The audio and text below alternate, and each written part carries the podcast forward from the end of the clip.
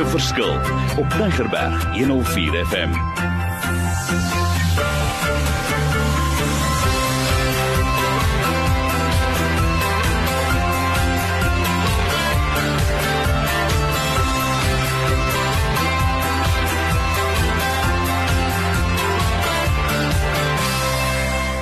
Mario Denton, ek groet jou op hierdie wonderlike program Gemaak 'n verskil in die lewe daar buite. Vir my gaan dit en ek weet julle sal sê Mario, hoekom bly jy so baie klem daarop, maar ek wil hê ons moet die basis regkry van identiteit. En daarom wil ek juis vir Dewel vra. Weet jy, ons praat baie maal dinge oor soos your right standing with God or righteousness and the the, connection between righteousness and identity. Wat is so? Kan ek dit sommer vir jou ingooi? Praat met ons, gee my jou voorbeelde. Waar pas dit in? Waar alles jy sê ons is eenkant gesit om te vlieg. Gooi vir my hierdie begrippe verder en lekker gesels met ons asseblief deel. Fantasties, Marie, dit is my is baie exciting om altyd hierdie topics uh, oor identity oor mee te gesels, uh, saam met jou deur te trap en uh, te gesels mee. En uh, ek wil sommer luisteraars op hierdie oomblik sommer net saam jy gesels saam met my of dink saam met my. Pieter Lot vra in sy boekie Friday vraag gesê, "How righteous is Jesus on a scale of 1 to 100?" Dis 'n maklike antwoord, nê. Nee. Mm. Ons is nie moeilik om hierdie ding te gaan uitfigure. Ek nee man, dis 100. Ek meen, mm. kom ons gee hom volpunte. How mm. righteous?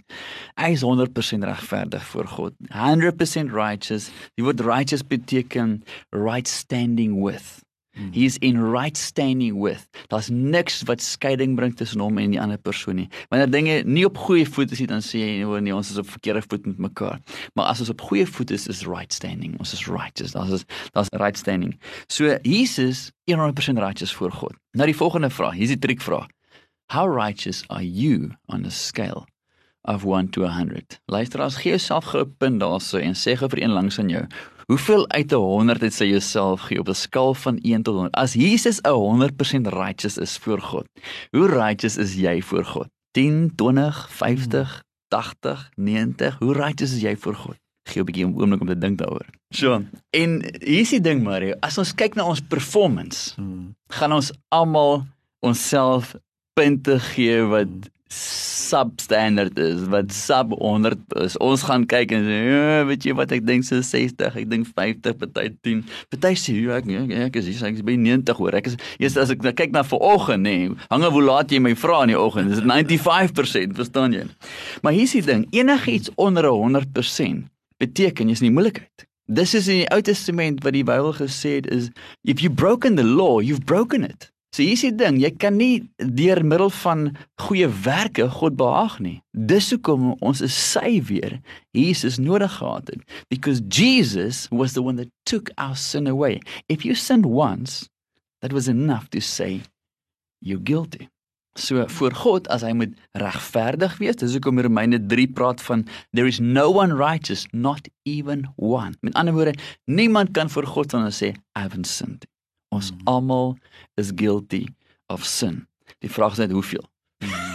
Hoe diep is jy in die moeilikheid? Maar die moeilikheid is nie moeilikheid. So wat ons nodig het, ons het weer nodig om our right standing met God te gaan herstel. That's what Jesus came to do. So die Bybel sê in in in Romeine 3 vers 20.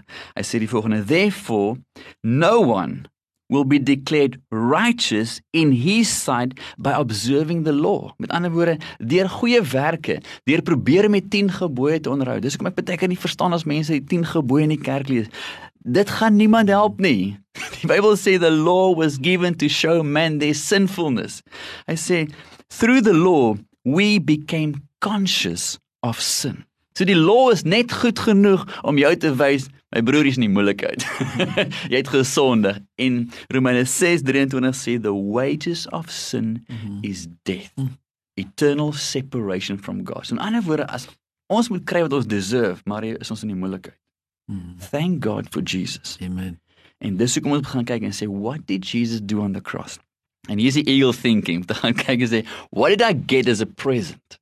And he says the beautiful thing is God gave me, Jesus gave me his right standing with the Father. Mm. Met ander woorde, as God die Vader na my kyk wat 'n kind van hom is en Jesus bly in die binnekant vir my, then he sees Jesus within me. Mm -hmm. So God loves me with the same love that he loved his own son Jesus with.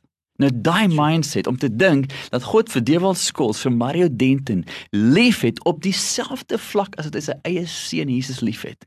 Dis mind-blowing. Mm, Maar dis nie iets wat ons moet probeer verstaan nie. Mm. Dis nie iets wat ons kan earn of deserve nie. Dis iets wat ons aanvaar en sê God, I thank you for Jesus. Amen. I thank you that you are living on the inside of me. En die Bybel sê nie en God uh, Jesus het vir ons 'n right standing gegee nie met met God die Vader nie. En en die Bybel sê and Jesus gave us his right standing with the Father, which means I am just as right with God as Jesus is right with God. Nie gebaseer op my laaste week se performance nie, maar gebaseer op die feit dat ek in Christus is. Yes.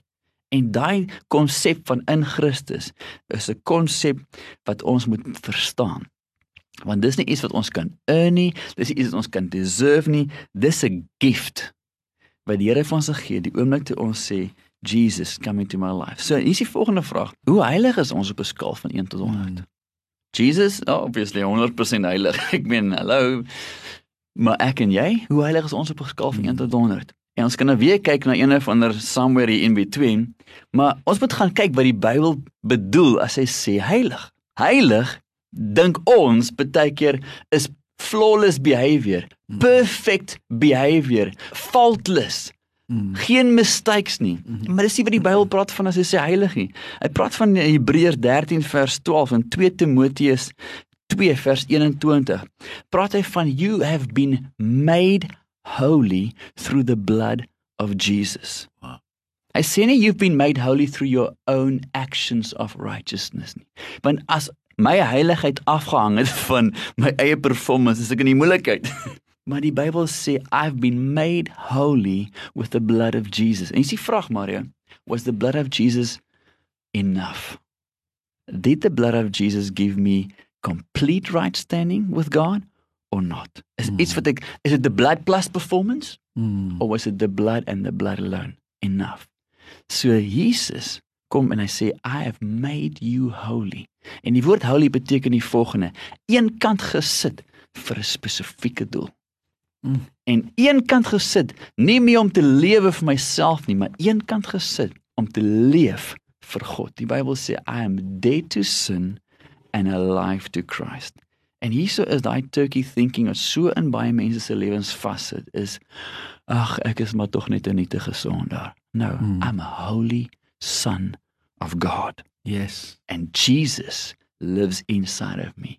I am dead to sin and alive to God. Nie omdat ek nie foute maak nie, but God has given me a new identity. Hy het alles kom nuut maak. En vandag kan ek sê, God, thank you that I can rise up on wings like eagles. Not because I'm so oulik and so perfect, but because you live on the inside of me. Yes. En dis waar my vryheid lê. Dis waar my victory lê.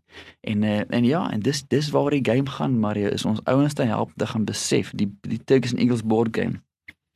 Wie sien God as hy na my kyk? Yes. Hoe kyk hy na my? Hy sien my as 'n 'n saint, Mm. 'n son, iemand wat heilig is, eenkant gesit vir sy doel. Yes, en vir ons luisteraars, dit mag wees dat jy vandag vir die eerste keer ingeskakel het. Hierdie is ons sessie nommer 8 en ek wil al vir jou sê ek gaan nie net wil ophou nie. Ek wil voortgaan en voortgaan en voortgaan. Want hoor net die woorde wat sê ek is eenkant gesit vir 'n spesifieke doel. Vat dit. En uh, moenie die leuen glo dat jy is nie tot in staat nie. Jy kan dit nie doen nie, maar jy is eenkant gesit vir 'n spesifieke doel. Dit vat my en ek hou daarvan as ek hierdie goeders hoor. Dewal so vreeslik baie dankie en vir ons luisteraars asseblief gaan kyk na die webwerf Turkeys and Eagles Yes, uh, www.turkeysанdeagles.com. en ons gaan fasiliteeringsopleiding reël. Ek wil hê jy moet betrokke raak. Ek wil hê jy moet committed raak. Ek wil hê jy moet opstaan. Ons wil dit laat verder vat en ons gee die Here al die eer. So, gaan maak 'n verskil in die lewe daar buite. Jy kan dit. Ek weet jy kan.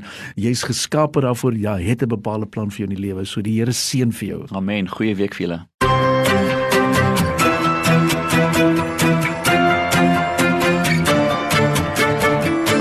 Opnames van Maak 'n Verskil is te kry op Potgooi via Tigerberg 104 FM se app of te wel toepassing.